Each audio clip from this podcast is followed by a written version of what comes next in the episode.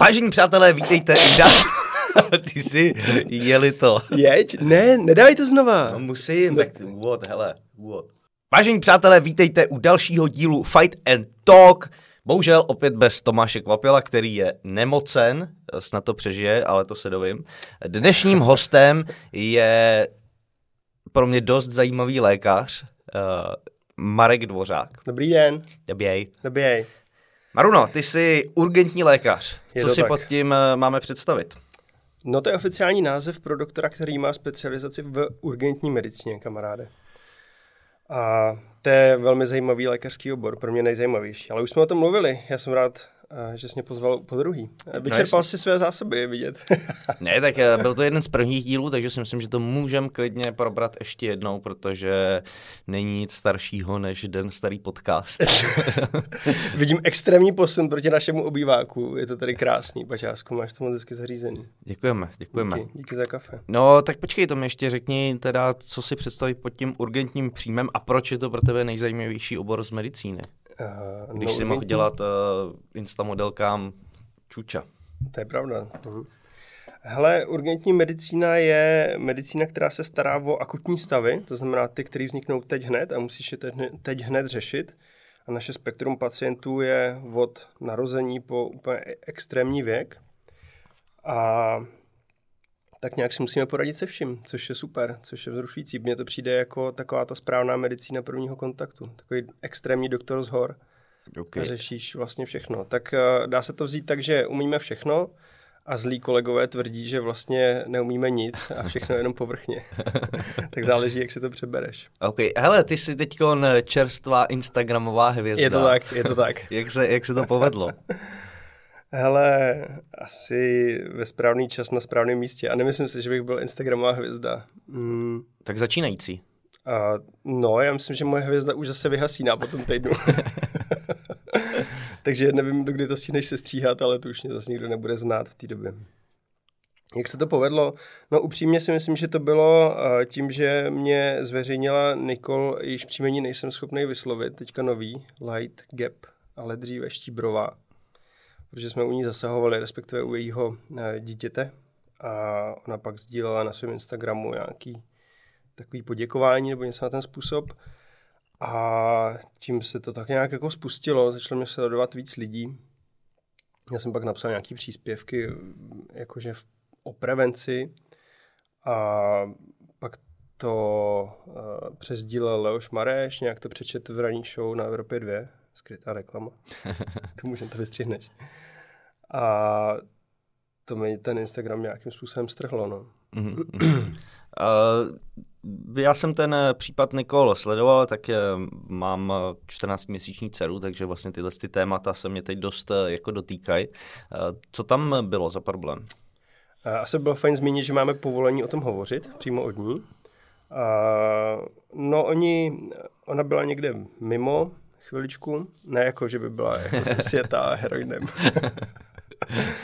Ale nebyla doma, její manžel uh, dal to děcko do postýlky, zapnul ten uh, dech monitor, asi za tři minuty jim to začalo řvát. A když to vezmu ze svého pohledu, my jsme dostali výzvu, uh, jakože kojenec, nedýchající, nebo že tam probíhala resuscitace, ale že už se probírá. Což jsme si řekli, no, tak to bude nějaká blbost. Prostě většinou to takhle není, že by si někoho úplně zresuscitoval doma, a už vůbec ne kojence. A, tak jsme říkali, že to bude jako out, že ta výzva bude mimo. A přijeli jsme tam a ten chlapík uh, opravdu úplně lucidně líčil, co se dělo. A to mě až jako dojalo. My jsme tam přijeli, oni už nesli to dítě v náručí a, a potom, co ho dal do té postýlky, tak za tři minuty začal řvat monitor, on k němu šel, přišlo mu, že špatně dejchá, respektive, že se nemůže nadechnout. A došlo mu, že nejspíš něco vdechlo to dítě, takže ho vzal, a udeřil ho mezi lopatky a vy, vybouchal z něj kus takového jako tuhýho hlenu, který mu opravdu ucpával dýchací cesty. A čímž mu opravdu jako reálně zachránil život, protože i kdyby jsme tam byli za 10 vteřin nebo za minutu, tak eh, ten stav by se jistě vyvinul do zástavy oběhu skutečně. Takže ten frajer fakt eh, tomu děcku zachránil život. A ještě to jako velmi jako dobře vylíčil. My jsme pak zkontrolovali ten monitor, jestli fungoval všechno, ale opravdu eh, ten stav, tak jak ho vylíčil, tak byl. A pro nás už to bylo v podstatě bez práce potom. Takže to je, to je ta chvíle, kdy vlastně správně poskytnutá první pomoc ti jako opravdu reálně zachrání toho tvýho blízkého. Ty kráso, to je, to je jako přísný. Nám se monitor uh, zbláznil dvakrát. Uh-huh. Jednou z toho malá vyjela a jednou uh-huh. si mhm. myslím, že to bylo, že se taky jako nemohla nadechnout. Jo. To je masakr, jako. Ale Nám... není to vůbec jako příjemný. Tyjo, to mi povídej.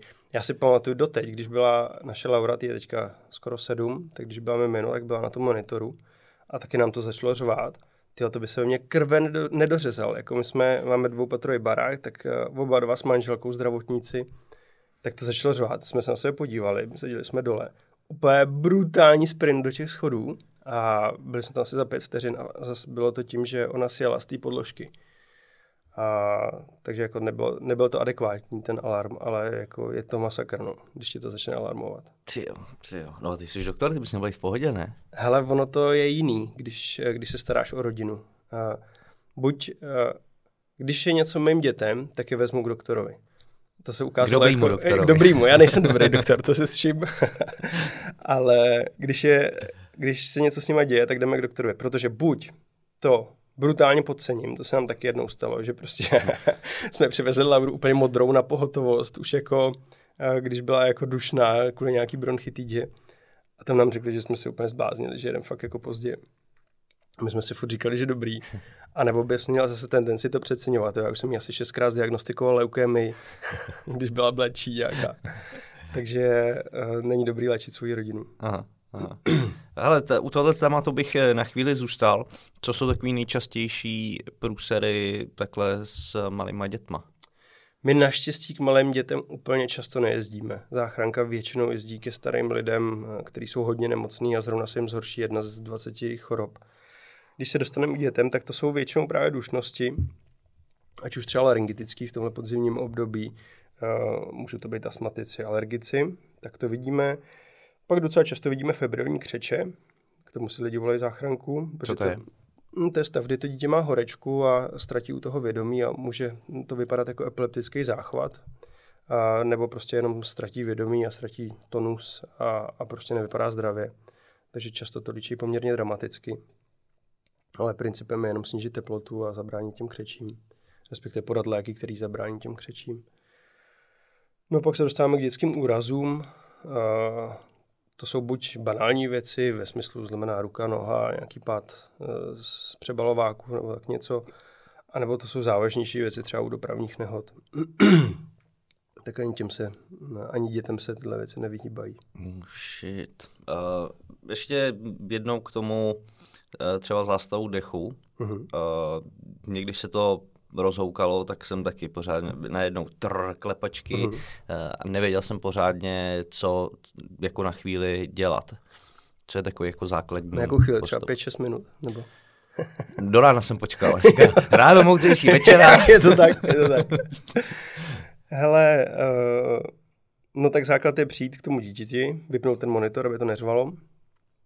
A potom se podívat, uh, jestli to dítě reaguje a jestli dejchá opravdu drtivá většina není zástava dechu nebo oběhu, ale to, že ten monitor buď je pod širokou madrací, to znamená nesnímá správně, nebo to dítě se schoulí mimo tu destičku, takže to jsou ty falešní poplachy, což je nejlepší varianta. No a pokud uh, je to ta horší varianta, to dítě skutečně nedýchá, tak uh, je dobrý s tím něco dělat. Mm, mm. A asi abych to jako úplně zestručnil uh, v rámci našeho prostoru, tak uděláš to, že zavoláš záchranku. Zavoláš 155 a ten operátor ti bude instruovat.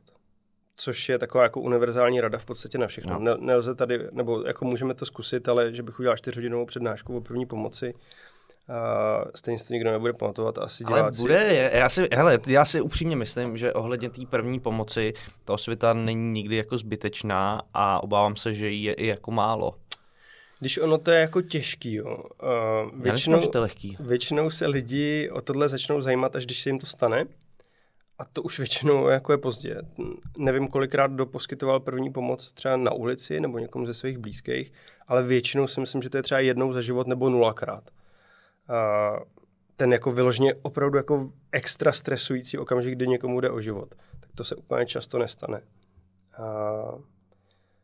No a ten impuls jako začít se o to zajímat, protože zkušenost je nepře, nepřenositelná. A... Takže ty se to naučíš až ve chvíli, kdy to, si to potřeboval a neuměl si to. Ale ty základní věci, to jsou ve směs tři, si myslím. Jedno je zástava oběhu, kdy skutečně, když ti nikdo nepomůže na ulici, jako z lajků nebo z tvých příbuzných, tak umřeš, protože ta sanitka, i kdyby dojela za pět, za sedm minut, což je reálný, tak to není úplně dobrý čas mít neokysličený mozek 5 až 7 minut, protože to je přesně doba, kdy ti umírají nervové buňky a pak můžeš udělat jenom třeba MMA zápasníka. no, a, takže tam potřebuješ tu první pomoc poskytnout. Druhé je masivní krvácení, ale tam ta první pomoc je poměrně intuitivní. Když ta krev opravdu jako intenzivně vystřikuje nebo vytýká, tak to stlačíš rukou nebo e, rukou toho postiženého, pokud to ještě jde a, a zastavíš to, nebo improvizovaně zaškrtíš. A třetí je to dušení, protože zase e, mozek bez kyslíku dlouho nevydrží a když tam ne, ne, nepřivádí, e, když jsou ucpaný dýchací cesty, tak ten kyslík se ti do té hlavy nedostane takže tam je potřeba to těleso, který tě dusí, vypudit co nejdřív. To jsou ty údery mezi lopatky. To jsou dvě možnosti. Buď přijedeme a začínáme resuscitovat toho člověka, když se to nepovedlo vypudit, anebo přijedeme a ta situace je vyřešena. Málo kdy přijedeme a někomu vypuzujeme cizí těleso z dýchacích cest, protože ta, ta doba, než ztratíš vědomí, tak jsou desítky vteřin. Mm, mm-hmm. Co uh, četl jsem tebe na Instagramu takovou uh, starou fámu uh, o zapadlém jazyku. Jo, jo, to je hodně populární, no. To, uh, občas vyjde nějaký článek někde, že si kluci na hřišti zachránili život tím, že si žáhli do pusy a vytáhli jazyk. Což je prostě úplná píčovina. Jak to? Já, já jsem to zažil třeba. Fakt? Hele, zažil jsem to uh, u nás na vesnici. V Hradci, jo? a dost. Zdravím Pardubice. Eh, na obec. Uh-huh. A... Znám, tam jsme byli jednou. Fakt? No, jsme byli s vrtulníkem. Nekecej, u uh-huh. čeho? To nemůžu říkat, ne. Nemůžeš? Ne, ne. Jak jsi zvrazil tu žárovku do konečníku a nešla ti vykadit. Patriku, na tohle se vrtulník Ale byl, nevolá. Jednou pro vždycky nevolá. byl tam uh, turnaj v Malý Kopaný. Uh-huh. A já, já jsem seděl fakt jako přímo u čáry, stalo se to jako přede mnou, uh-huh. kde do sebe vrazili a najednou borec, nějak, jako nějaký bodyček tam byl, něco takového. Borec spadnul, začal se klepat na zemi, začal se jako dusit a teď někdo, že má zapadlý jazyk. A, uh-huh. No to je jako obvyklá fáma. Aha. Uh, ty lidi mají komoci. To je klasický káčko. To je komoce. To znamená, dostaneš ráno do hlavy, na chvíli jsi vypnutý může ti, můžou ti měkký tkáně v okolí hltanu ucpávat dýchací cesty. Ale to, že vytáhneš jazyk, nic nevyřeší, protože ten jazyk tam je prostě přidělaný a neucpává to vyloženě jazyk. Na to je úplně jednoduchý manévr. a to je zákon hlavy. Chytíš toho člověka za bradu, začal, zakloníš mu hlavu a tím se ty dýchací cesty uvolní. Pokud křečuje, je to něco trošku jiného, ale ten člověk nestratí posturální tonus. Pokud má křeče, tak má tonus dobrý a oni můžou promodrávat, protože blbě dejchají u toho. Ale to je stav, který trvá 2-3 minuty a sám odezní a ten člověk pak začne normálně dýchat. Já jsem taky nemocný a nevymlouval jsem se, na rozdíl od kvápy. Mám covid, teda jsem ti zapomněl říct. Nemá. Já jsem očkovaný no, a já jsem taky právě. no, uh, takže není rozumný komukoliv strkat svoje prsty do jeho pusy. Protože pokud má křeče, tak o ty prsty nejspíš přijdeš. A pokud nemá křeče a jenom špatně dechá po tom, co se praštěl do hlavy, tak mu stačí zaklonit hlavu a je to mnohem efektivnější a on začne dýchat. Naopak je chybou to neudělat, ten zákon hlavy. A máme případy, kdy opravdu těm lidem stačilo zaklonit hlavu, oni by se rozdýchali, ale protože to nikdo neudělal, nebyl ochotný to udělat, tak uh, buď umřeli mladí lidi, anebo uh, zůstali těžce postižený. Mm. Takže ten zákon hlavy je v tuhle, v tuhle tu chvíli jako zásadní manévr. Ty jsi říkal, že nebyli ochotní, ale to si myslím, že spíš souvisí s tou uh, osvětou nějakou, že, že to prostě nevíš. Že Buď anebo. Pro, pro, proč se zažije tady takováhle fáma o vytahování jazyku, když uh, je to, tak je to jako hlavu. letitý, no. Prostě dřív se to možná nevědělo, nebo ty soušky, učitelky to takhle prostě učily, protože si mysleli, že to je správně. Dřív se již pendlil jazyk k puse, že To Máme jsem fotky. chtěl na to se Velmi efektivní, super. A je to prostě zažitá fáma, no. Je to takový urban legend. OK, takže nevytahovat jazyk, zaklonit hlavu. Nešát, nešajte někomu do pusy. Když se mu to nelíbí, když vás o to vlastně nepoprosí, jak bych to nedělal. Eh, máš nějakou další podobnou fámu, s čím se setkáváte? Ale těch mýtů o první pomoci je celá řada. Jo. Třeba se hodně traduje, jestli máš vytahovat nebo nevytahovat člověka z vraku vozidla. Což je zase úplně jako iluzorní věc. My když přijedeme k dopravní nehodě, kde jsou zaklíněný lidi, tak bez hasičů nejsme schopni toho člověka vytáhnout, když tam jsou zmačkaný plechy v tom autě, tak to prostě nejsi schopný toho člověka vytáhnout. Čiže to je taky takový jako mýtus, kdy se v autoškolách řeší, jestli ho máš nebo nemáš vytahovat, abys mu nepoškodil páteř, nebo kdo ví co dalšího. Ale ty ho prostě stejně nevytáhneš. Takže to je takový jako docela častý. No, on jich asi bude víc, ale teď si nějak jako nerozpomenu. No tak eh, s čím se spotkal ty, že, že jste někam přijeli na místo a někdo tam dával špatnou první pomoc, nebo děje se to? Eh, nebo... První pomocí, když ji poskytuješ uh, s takovým jako selským rozumem, tak nejde ublížit. Hmm, pokud k tomu zavoláš záchranku, tak dneska je ten systém propracovaný tak dobře, že ten dispečer s tebou zůstává na lince až do příjezdu těch posádek. A ten dohlíží na to, abys nedělal kraviny. Mm-hmm. Takže fakt, jako když někdo potřebuje záchranku, tak nejjednodušší je vytočit 155 a pokud ten dispečer ti nezačne sám radit, což většinou začne, tak se zeptat, co mám dělat. A těch situací modelových, co se může stát, je takový množství, že nejsme zase schopní to jako postihnout podcastu. Ale ty dispečeři vlastně nedělají nic jiného 12 hodin denně v práci, než že zvedají telefony s vystrašenými lidmi, kteří nevědí, co mají dělat a radí jim.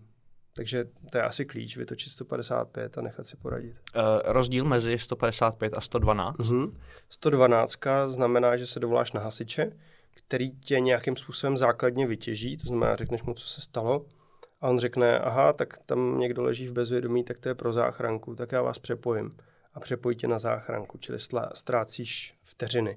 Dřív to bylo poměrně dlouhá doba, protože oni tě vytěžovali kompletně, včetně adresy a všeho a prostě fakt si poměrně dlouho povídal s hasičem, čímž jako nechci nějak snižovat jejich kvality, ale prostě neposkytnou ti tu první pomoc po telefonu a nepošlou ti záchranku.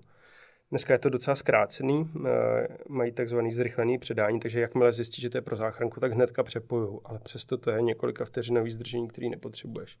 Takže pokud máš zdravotní problém, tak volej vždycky 155 pokud máš, dejme tomu, dopravní nehodu nebo požár nebo něco, kde je potřeba víc složek, můžeš volat 112, oni jsou schopní nás rozaktivovat uh, postupně. No a je to schopný udělat i, i záchranka, když jsi u hovárky? Je to integrovaný záchranný systém, čili pak, když zavoláš první na záchranku, tak máš výhodu v tom, že ti začnou radit s poskytováním první pomoci a zároveň aktivují další složky policie hasiče. OK. Okay. okay. Zajímavý. Yes. Zajímavý. Tak o toho jsem tady, kámo. Už to vypil. Já zase potřebuji čůrat. Ne. Jo, to vydržím ještě chvíli. Končíme, ne? tak můžeš se.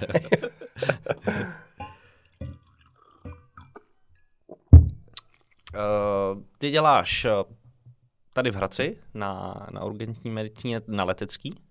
Dělám tady na záchrance. My nesloužíme jenom leteckou. Asi, aby jsme občas eh, viděli i méně nemocný lidi že to spektrum práce je trošku jiný na pozemní a na letecký. Mm-hmm.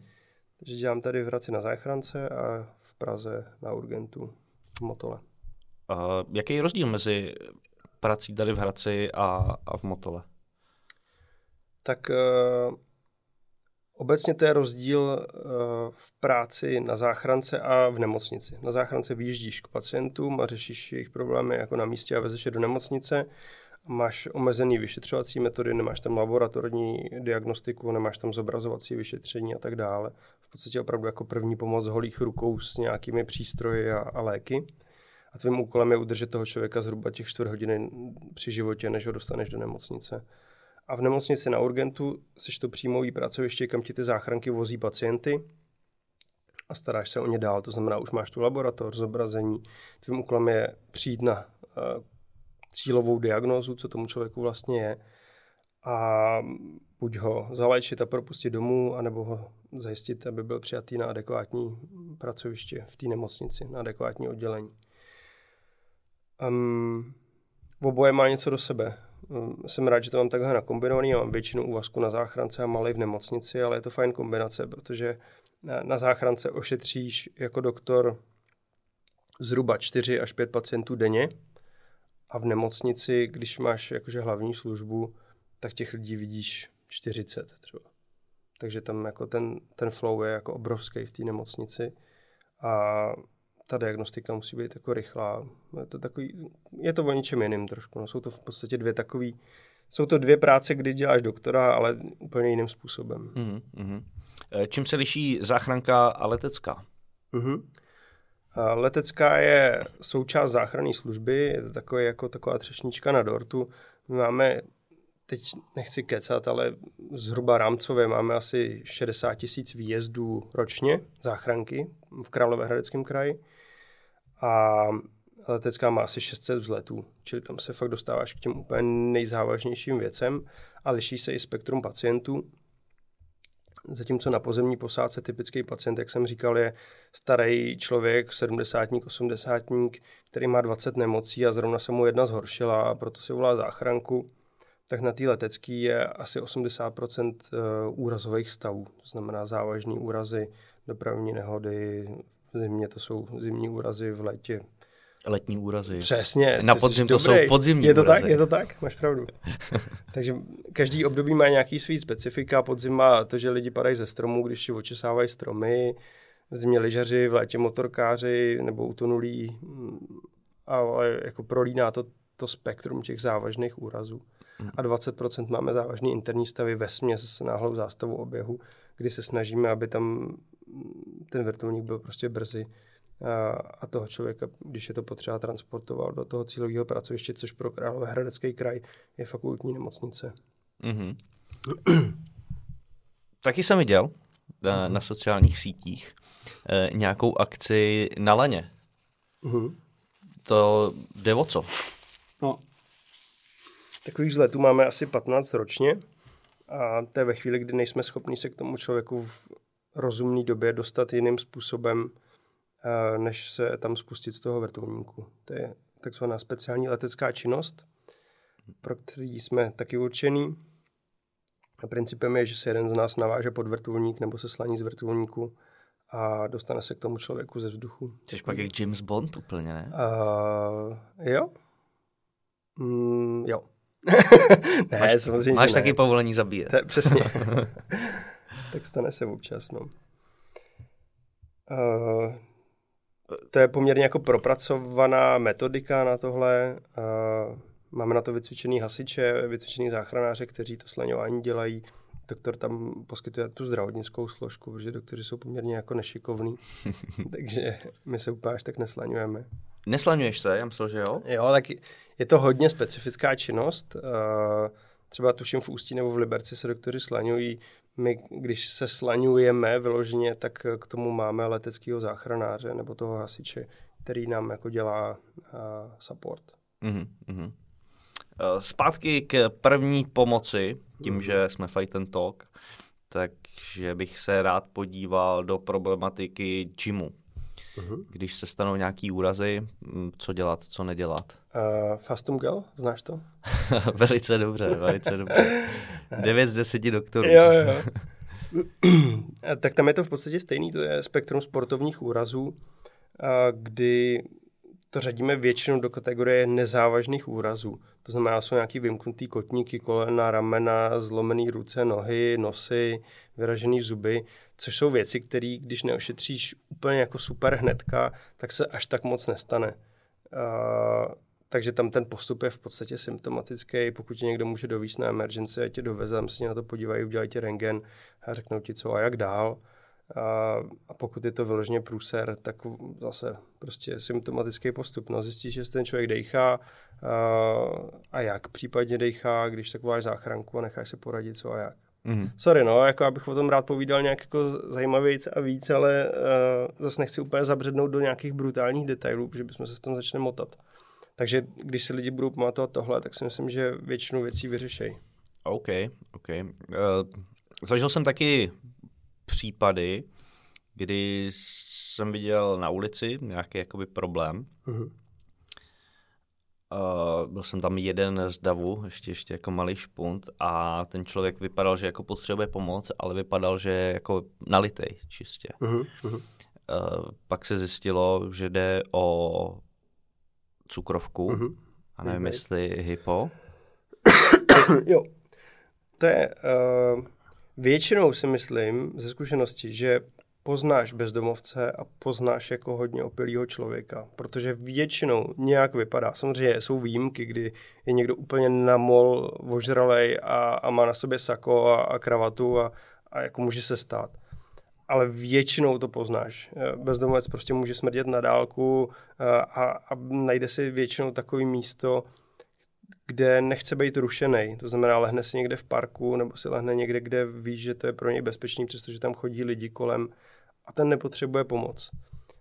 Ale ty lidi, kteří potřebují pomoc třeba s tím diabetem, který může v určitých případech opravdu vypadat jako těžká opilost, protože ten člověk má málo cukru v mozku a to se může projevit buď agresivitou, nebo se třelou řečí, vrávorovou chůzí, dalšíma věcma, který skutečně vypadá jako opilost. Ale ten potřebuje pomoc.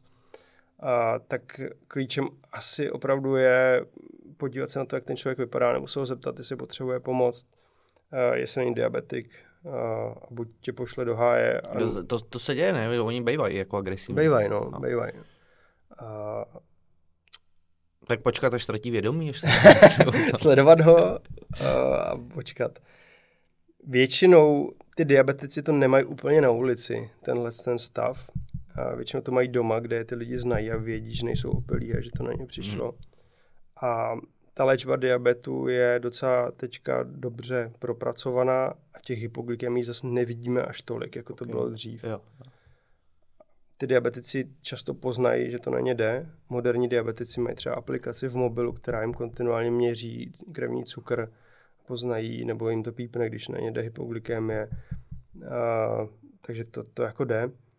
A pokud si myslíme, že ten člověk je diabetik, má třeba kartičku u sebe, ale ty ho úplně jako neprohledáváš, nebo ti to řekne, tak uh, klíčem je podat mu cukr v jakýkoliv formě. Pokud je schopný se napít něčeho sladkého nebo sníst nějaký ovoce, med, uh, něco, prostě hroznový cukr, mývají to u sebe. Mm-hmm tak to prostě podát a jejich stav se promptně zlepší. OK. Uh, tadyhle u tohle z toho případu, i když to bylo jako dávno, tak si pamatuju, že okolo toho člověka byl jako hlouček lidí, ale ni- moc jako se nic nedělo ty mě úplně děláš zase oslý můstek na můj Instagram. Ale, Ale je to pravda, jako je to pravda, no. To je takzvaný bystander fenomen, kdy ty, když stojíš v loučku lidí, tak si řekneš, tvůj mozek ti řekne, že tam je spoustu dalších lidí, tak proč bych měl pomáhat zrovna já, když mu pomůže někdo jiný. Jenže to si řeknou všichni a výsledkem je, že nepomáhá nikdo. To je přirozená jako lidská vlastnost a nejde to odbourat jinak, než že to budeš znát, že o tom budeš vědět. A cíleně se tomu budeš bránit, takže si řekneš, ale on mu fakt nikdo jiný nepomůže, takže tam musím jít a pomoct mu. Hmm. To má hloubku. Je. A pomůžu mu tak, že zavolám záchranku. Ty jo, jsi dobrý. Vidíš, že jsi poslouchal. tak. A, tak jako je dobrý se ho zeptat, jestli něco potřebuje. Záchranka ti nepojede ve chvíli, kdy ten člověk řekne, ne, já nic nechci, nic, nic nepotřebuju. Což třeba ten bezdomovec ti řekne. Někdy. Mm-hmm. Takže je dobrý aspoň jako rámcově zjistit, co se na tom místě děje, protože ta operátorka se tě bude ptát, bude se tě ptát, kde se to děje a co se tam děje. Takže tyhle dvě informace by se asi měl vědět dopředu. OK, pomůže mi s tím, kde se to děje, uh-huh. uh, aplikace záchranka? Jo, určitě. Tato určí na metr přesně. Zase není to tak dlouho, co máme technologii AML, což je vlastně jako lokalizační systém, který funguje tak, že ty, když voláš z mobilního telefonu, tak eh, tomu operátorovi se rovnou ukáže místo, ze kterého voláš. Čili už si myslím, a teď doufám, že se na mě Filip Malé nějak z aplikace záchranka nebude zlobit, ale myslím si, že tato lokační služba už eh, je standardní v těch telefonech. Že úplně ne, nemusíš volat přes tu aplikaci záchranka. Ale ten operátor ti vždycky řekne. Oni mají takový tričky, jak tě lokalizovat. Třeba, že se podíváš na číslo lampy, která je u tebe po městě, nebo ti pošlou nějakou sms a dokonce dokážou streamovat video z toho místa, když máš chytrý telefon. nebo číslo přejezdu, když je to nehoda na přejezdu. Nebo se zeptají, co vidíš kolem, prostě. Ty, když neřekneš baráky, tak, tak jsou schopní ti nějak jako donavigovat. OK, OK. Uh, proč je tak důležitý, uh, když tam zavolám, že se mě ptají na veškeré jako moje údaje, kdo jsem, to se tě nebo... jako standardně úplně neptají. Ten hovor většinou probíhá uh, tak, že se tě nejdřív zeptají, co se stalo. A podle toho, jak závažný to je, tak uh, od toho se odvíjí ten hovor. Okay. Když řekneš, jsem na ulici, někdo tady ztratil vědomí a nedejchá, tak jenom dopřesněj to místo, kde to zhruba je, hlavně město a tu ulici. A vlastně v tu chvíli, za těch 10-12 vteřin, už ti vysílají první nejbližší volnou sanitku. A ta jede. A v tu chvíli oni už se s tebou můžou poměrně jako bavit, eh, jak ten člověk vypadá, co budeš dělat eh, a tak, eh, protože vědí, že už je pomoc na cestě. Tam je zásadní poslat co nejdřív pomoc. Mm-hmm. Ve chvíli, kdy začneš tak, že už tě sedm týdnů bolí konečník, nebo že máš prostě zaraženou třísku, tak se ti asi doptají na víc věcí, protože vědí, že ten hovor jako není úplný hořák. A ne každý hovor na záchranku musí skončit výjezdem záchranné služby. Může to skončit poradou, může to skončit doporučením, kam se s tím máš zajít, ale neznamená to, že každý volání na záchranku znamená, že ti pošlou auto za 5 milionů se dvěma záchranářema plně vybavený na poskytnutí nejlepší první pomoci na tvojí bolest konečníku. Sorry. OK. Říkal, že to nemáš říkat nikde. tak pro mě. Lékařský tajemství.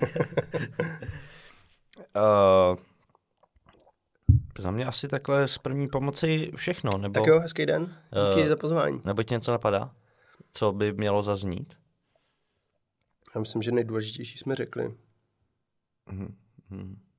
Bylo to super s tou Nikol, tyjo. já ji musím tady vychválit, ona je hrozně vtipná, tyjo. Normálně, eh, já nemám moc kamarádů, ale s touhle holkou jsme se skamarádili a je to úplně, je, tyjo, kámo, to by normálně, ta by k nám zapadla, to si sem pozvi někdy. A ona, ale její manžel, uh, právě dělá nějaký bojový umění. Fakt? Mhm. Jaký? Nevím, myslím si, že BJJ nebo něco na ten způsob. Nice, nice. Jsem mu říkal, že to, že dáme, že se potáháme na žíněnce, ale pak jsem zjistil, že on do toho dělá nějak jako trochu víc než já. Takže spíš ne. Vy jsi uříz ostudu. Uh, možná vlastně jsi mi zase nahrál na ty úrazy dětí. Uh, co jsou nejčastější úrazy, jak tomu předcházet? To jsme říkali, ne? Úplně ne. Ne. Uh, nejčastější úrazy u dětí. Ale já jsem třeba teď zaznamenal, zase se do toho skočím, já, já jsem furt na těch novinkách, kdy to přijde, uh, že se řešil nějaký soudní spor o to, že... Dali dítě do mikrovlnky, usušit vlásky. No tak to je normální, ne? Jo, já to taky dělám. to je hrozně efektivní. A jak to bude? Na Slovensku možná, že to proběhlo, že nějaká ženská v GLu zabila, zabila dítě, odbočovala do nějaký ulice s zákazem vjezdu, obydlené části, hmm. přijížděla retardér a děcko jí bylo pod auto a jak byla vejš, tak, tak ho neviděla hmm. a, a přejela ho. Druhá strana byla to, že vlastně tam byla já nevím, jestli jako víc mamin s dětma. Mm-hmm. Ta jedna si odskočila do garáže, uh, malá se jako rozjela někam takhle na tu, na tu silnici. Mm-hmm. Ona to zmrčela, zavolala na ní, ať, ať stojí a jak se lekla, zastavila a to auto jí, to auto jí jako vzala. Měli jste rozbíjet tím trapným vtipem, jak uh, pak začala couvat ještě a přijel ho po druhý. to se asi nehodí. jako bych nic neřekl. Uh, no a jak zní otázka? No, jak něčemu takovému jako předcházet? Nebo... Co, co jsou jako ty časté úrazy? Tohle to jako uh-huh. je něco, co mě osobně jako se dotklo, co, Jasně, co bych no. nechtěl jako nikdy zažít. To jsou vždycky jako hrozný tragédie. Uh, ještě je docela blbý, že vždycky to pak dospěje k nějakému soudu, když je zraněný dítě a většinou potrestaný po druhý je ten rodič toho dítěte. Protože ty máš za to dítě zodpovědnost a ve chvíli, kdy ti dítě vyjde pod auto, tak je to tvůj problém. I právně často. Uh, což jako my nevidíme. Pro nás to končí tím, že toho pacienta předáme v nemocnici a tyhle konsekvence vůbec neřešíme. Ale občas se to dozvíš. Trošku možná odbočím, pak se k tomu zkusím vrátit. Byli jsme u dopravní nehody, kde uh,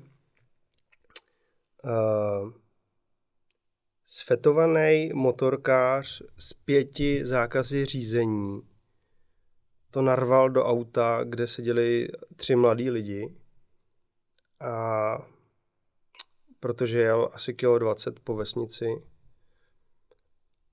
a my jsme ho odváželi.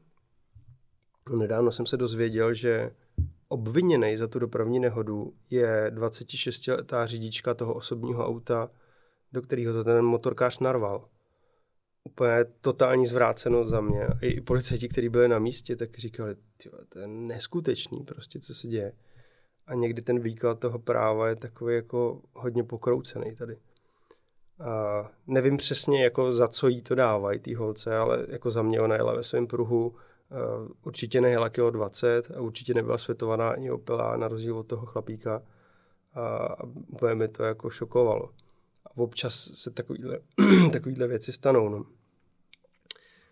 Uh, takže radši se do toho, radši se do toho zkouším jako moc nepouštět, uh, protože bych se z toho musel zbláznit. Hmm. Uh, a on by pověděl prej, že si nic nepamatuje a že určitě nespěchal, protože, nebo určitě nejel rychle, protože v té době nikam nepospíchal. A oni mu to nějak jako zbaštili. Což přijde úplný úlet. No, uh, dětský úrazy, jaký jsou nejčastější? Dětský hřiště? Bývaj. Teď nevím, jestli to říká tu historku. Řekni. připomněl jednu. Jsem byl se svojí dcerou na dětském hřišti. Mám to říct. Chudák. Slyšel jsi to? ne. ne. Jsem byl se svojí dcerou na dětském hřišti. Tam ty maminky, že jo, děti. A byly tam takový ty prolejsky, jak se na to pověsíš a točíš se kolem tak jsem říkal, wow, hustý. A začal jsem se na tom točit. a jak jsem se otočil hlavou dolů, tak mi vypadla bouchačka. a ty maminky na mě úplně tak začaly koukat, ty někteří začali odcházet. Tak jsem říkal, ty to je trapný. No. Já se tady úplně obnažím, kámo, ještě, že to nikdo nesleduje, ty vole. No, takže tak, no. Uh, takže zpátky dětským úrazům. A tak kromě postřelených dětí na hřišti teďka říkala, uh, já bych asi neměl mít zbrojní průkaz vůbec. To asi ne. Jsme byli doma a uh, mám šestiletou Laurinku a rok a půl starého Matě. A takhle jsme byli v, uh, v kuchyni s manželkou a z vedlejšího pokoje slyším, jak Laurinka říká, je, je, on má zbraň, on má zbraň, on má, on má střelnou zbraň, ježiš, on tady střílí. A teď já úplně, ty vole, a běžel jsem tam, říkám, ty on někde našel tu pistoli. A naštěstí měl prostě klacík a hrál si jako na pistolníka, ale úplně jsem říkal, ty vole, to fakt jako, prostě nás lidi, si máte doma pistole, dávejte je do těch trezorů. uh, nebo je zapomínejte u kámošů. uh, to bylo u tebe? u Šukyho. Ti to říká. Ty vole, kámo, tohle vystřihni asi. asi by nemělo jít to. OK, OK. No nic, to samozřejmě, to jsou všechno smyšlené historky. Je to tak? Nic takového se nikdy nestalo. Jak tady dohromady povolání lékaře a zbraň? No úplně v pohodě. To, to je jako, když hasiči si zapalují někde něco, aby to mohli hasit. Kámo, když je někdo pyroman, to jsem nevěděl, jo. Když je pyroman, tak on zakládá požáry, ale jeho to jako jako sexuálně vzrušuje. Fakt? Oni u těch požárů masturbujou. Kecej. No je to tak. Je to tak. Ochutnal True story. Tak si sem pozve nějakýho pyromana, ti to vysvětlí. To asi nechtějí, ne? Bude je to jako fyzicky vzrušuje, no. To je už to jsem taky neviděl. No, můžu to... napsat do komentářů. Anonymní. OK. No, uh, takže pojďme, pojďme Kámo, k, tě, k těm úrazům. to rozbitý, těch, těch... Já jsem ti říkal, že to nebude nejlepší tvůj podcast. Ne, dobrý je to, já jsem v pohodě. já jsem taky v pohodě. Tak super. Eh, k těm úrazům těm dětí. Hele, já když eh, hlídám malou... No ta se... je zraněná furt, jsem většině ve špitále. Kámo, tyjo, to Kamo, co mi tam sypeš do toho kafe? tam mi, tam mi spadla vlastně teďko nedávno. Mm. A byl jsem s ní jako v obýváku, hrajem si, koukáme čtvrtém na patře, knížku. jo? Koukáme si, pak se otočila, že se jde po nějakou hračku, zakopla a spadla mi na ten televizní stolek. Oh shit. Takhle, na takovouhle hranu. Mm. Ale naštěstí to jako trefila sem. Mhm. Taková boule. Mhm. Takže jedničkářka už to nebude úplně, ne? Já nevím, to asi dá, ne? Jsou běžný úrazy, se stává, děti Ale tak padají. kdy, kdyby to bylo jako o 20 centiáky níž, tak má zlomený. Mm. Hmm, Mm. ty děcka to vydržej. Přesně. No ale Jsou jak z gumy. a- abych ti řekl ten point, že já když ji hlídám, tak jsem prostě permanentně furt ve stresu. Permanentně, Patriku, jsi říkal. Permanence. to jsem říkal? Ty říkal permanentně. Ne. Tak pardon. Nebo Já myslím, to, že to zjistíme potom v záznamu. Pravda se ukáže. Je to nahraný. Tak jsi co? V permanenci furt. no, jako pořád jsem ve stresu. Jo, No, to není zdravý asi, ne? no to není. To není. Já jsem vždycky byl jako v pohodě a teď co mám malou, tak jsem To bude nejvíc hůř, ve jo. stresu. Čím co? větší to dítě je, tak tím jako ty starosti jsou horší. Takže pořídit bouchačku. Asi jo, šel bych do toho. um, tak taky jsme nějak vyrostli. Tyjo. My si f- fakt jako často s kolegama říkáme, jak jsme mohli přežít naše dětství. Já když si vzpomenu, co jsem dělal jako dítě, aniž by to rodiče věděli, ty krávo, to byl masakr. Já fakt nechápu, že jsem jako přežil dětství bez úhony. Já jsem byl hrozný dítě, já mám ještě ADHD. Ty my jsme si házeli zapálenou petardou a to bylo, zapálíš, hodíš, hodí ti zpátky, ty mu ji hodíš zpátky, on ti hodí zpátky a ve vzduchu vybuchne. Ty jsme říkali, to není možný, jako že jsme tohle přežili, nebo prostě na kolejích, jak jsme si hráli. No, to bylo hrozný úplně. To nechci vidět, jak jste si hráli To na kolejích. Takže jestli tohle budou dělat moje děti, tak se zblázním úplně. Je pravda, že tenkrát, eh, když já si pamatuju, když jsem byl malý, tak ty prolizačky byly taky jako dost crazy. No Si no. pamatuješ ty No, železný. no. Teďka ti to nějak jako regulujou, že jsou poměrně jako přísně nastavený pravidla, aby ti to jako nezrakvilo. Dřív tohle nebylo, viď? Jako bylo to brutální. No. Takže Nevím. co, ne, ne, neřešit to, nebo jako ty úrazy se dějou, ne? Kolikrát i vážný. Eh, No to se dějou, no. Hele, eh, poměrně často se dostaneme k dětským popáleninám a to mi přijde, že jsou většinou opravdu jako slušné rodiny, kde mají prostě doma naklizeno, fakt o to dítě je postaraný, to vidí, že je čistý, eh, slušný, eh, není nějak, jako že by na něm byly modřiny, že by to bylo nějaký zanedbaný dítě. A je to většinou fakt jako chvilková nepozornost. Že to dítě na sebe strhne polívku, kafe, čaj, něco ze stolku přes ubrus třeba, nebo to prostě na sebe nějakým způsobem stáhne. A to je prostě hned. A myslím si, že nechci říct, že tomu nejde zabránit. Jde tomu zabránit tak, že nebudeš mít kafe doma takhle, ale budeš mít prostě dál, aby na to to dítě nedošáhlo. A že nebude mít šňůru od konvice k dispozici, protože ty děti za to tahají a, a jako přemýšlet o tom dopředu. No. A když se to stane, tak Tak volat. je to tak. Tak volat. Krejeme vám záda. nice. Uh, to mě teď eh, dostal k dalšímu tématu. To, se tě, a zeptám se tě tady. Mám problém s tím, že Já vím. Já ti to napíšu. Ne, že Diagram malá nám furt baští nějaký kameny a, a písek, to je, to je jako ale strašný. Jako, to není dobrý asi, ne? No, co se, co se může stát? Jako, To, to asi není jste, dobrý, ne? zkušeli jste jí dát najíst? To by mohlo možná Každý pomoct. druhý den? jako psovi, pravidelně. mám misku, jo. Eh, no tak ona je malá, že jo, na, na to, aby to byla nějaká porucha. Jsou i psychické poruchy, kdy ty lidi jedí kameny a vlasy a, a různé věci. Tak jako písek olízne každý dítě, to se asi nic neděje, ale kdyby jedla nějaký větší množství kamení, tak bych to asi řešil s tím praktickým lékařem, aby se na to podíval. Jo. A co, co zoubky? Kouše to pořádně, ty šutry. Ale tak jako si to po, pocucává, no. A jako sní to, reálně to spolkne. Něco si myslím, že, že musí jako spolknout. Mně, mně přijde, že už to kolikrát dělá na schvál, víš, že si nabere tu hrst Jo. a teď kouká, jak my reagujeme a Tak děti jedí, nebo jako děti ústy vnímají svět, že? jo, takže oni se strčí všechno do pusy, což je jako normální a prostě malý množství těch věcí si myslím, že neškodí, nejsem pediatr teda a nejsem dobrý doktor, to, ale uh, tohle jako zásadně nevadí. Vadějí magnety, to je blbý, když sní dva magnety, tak to je průser, protože oni se ti potkají v gastrointestinálním traktu a se cvaknou se a můžou ti udělat střevní nekrozu, takže to se musí vyndávat. A vadějí baterie. Tam to začne prostě ta chemická reakce a může ti to udělat díru v žaludku a ve střevě, takže to se musí taky hnedka vyndat. A kameny asi nevím. A pak vadí léky docela, to bych jí taky asi nedával, jestli můžu doporučit. Tak, hele, tak občas nějaký rohypnolek. Ne? Jo, no tak to zase potřebuješ se vyspat, jo. uh, další téma, kam bych chtěl Hm? pokročit, je COVID.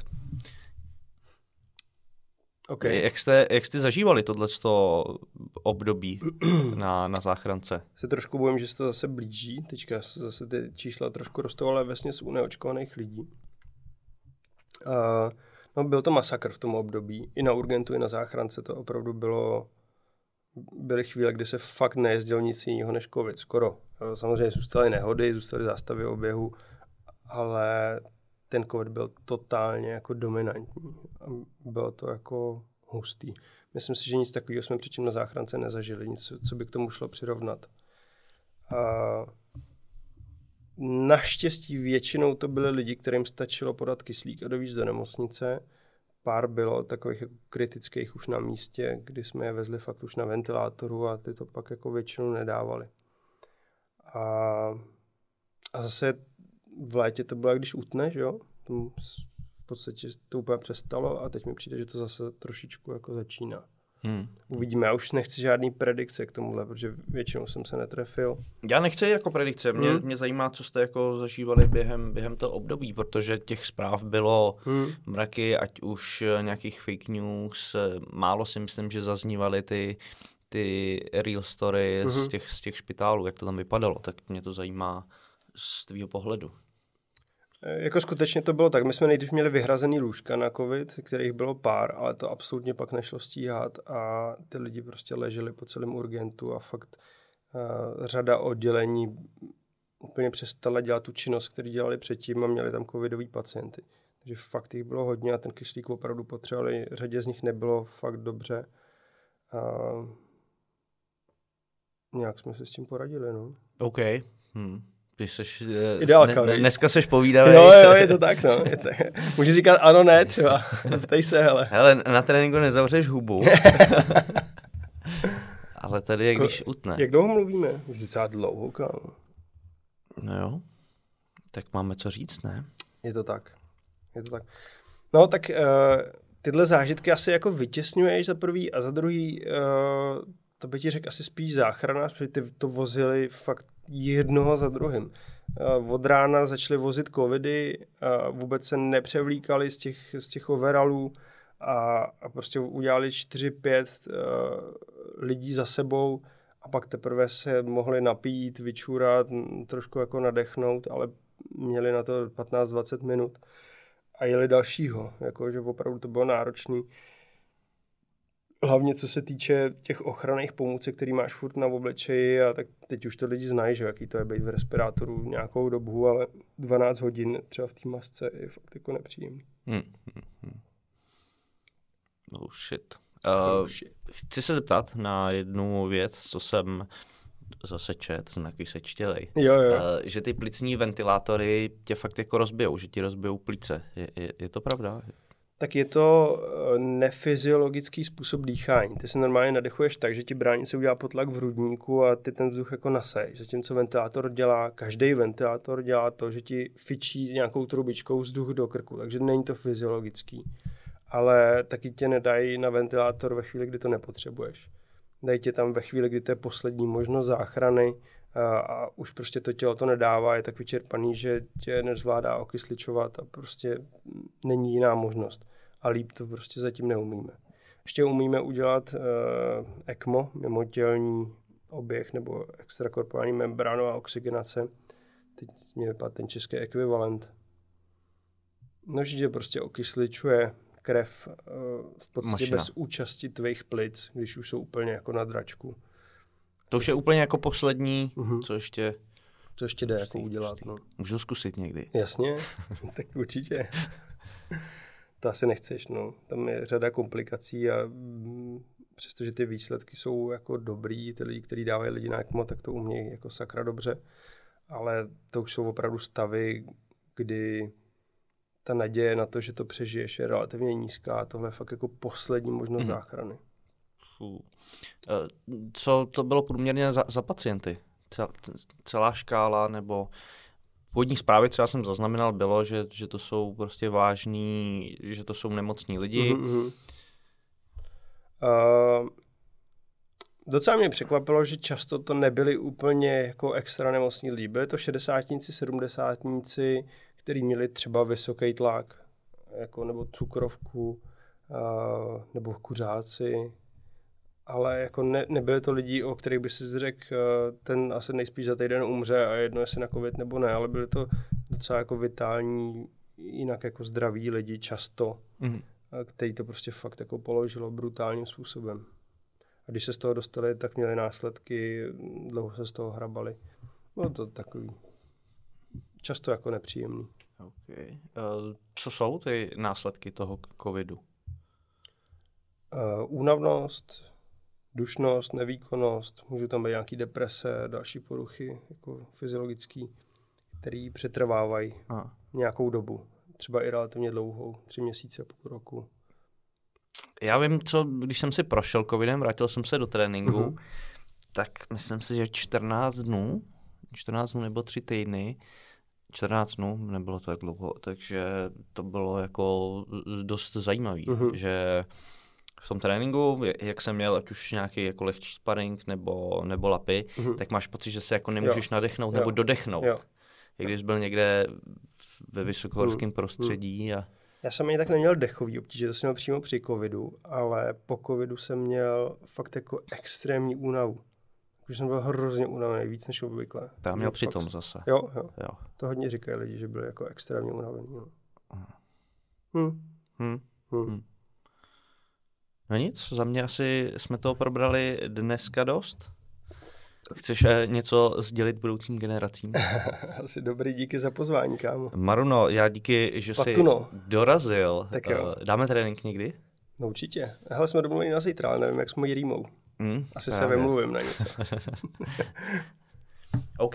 Vážení přátelé, my vám děkujeme za pozornost, za shlédnutí. Sledovat nás, nás můžete zde na východu České televizi V1 nebo na YouTube a poslouchat přes podcastové aplikace. Na YouTube nám samozřejmě dejte lajtísek a odběr. Krásný Tomáš. A dál můžete sledovat novou hvězdu českého Instagramu Máru Dvořáka. Yes. Díky. Díky. Ahoj.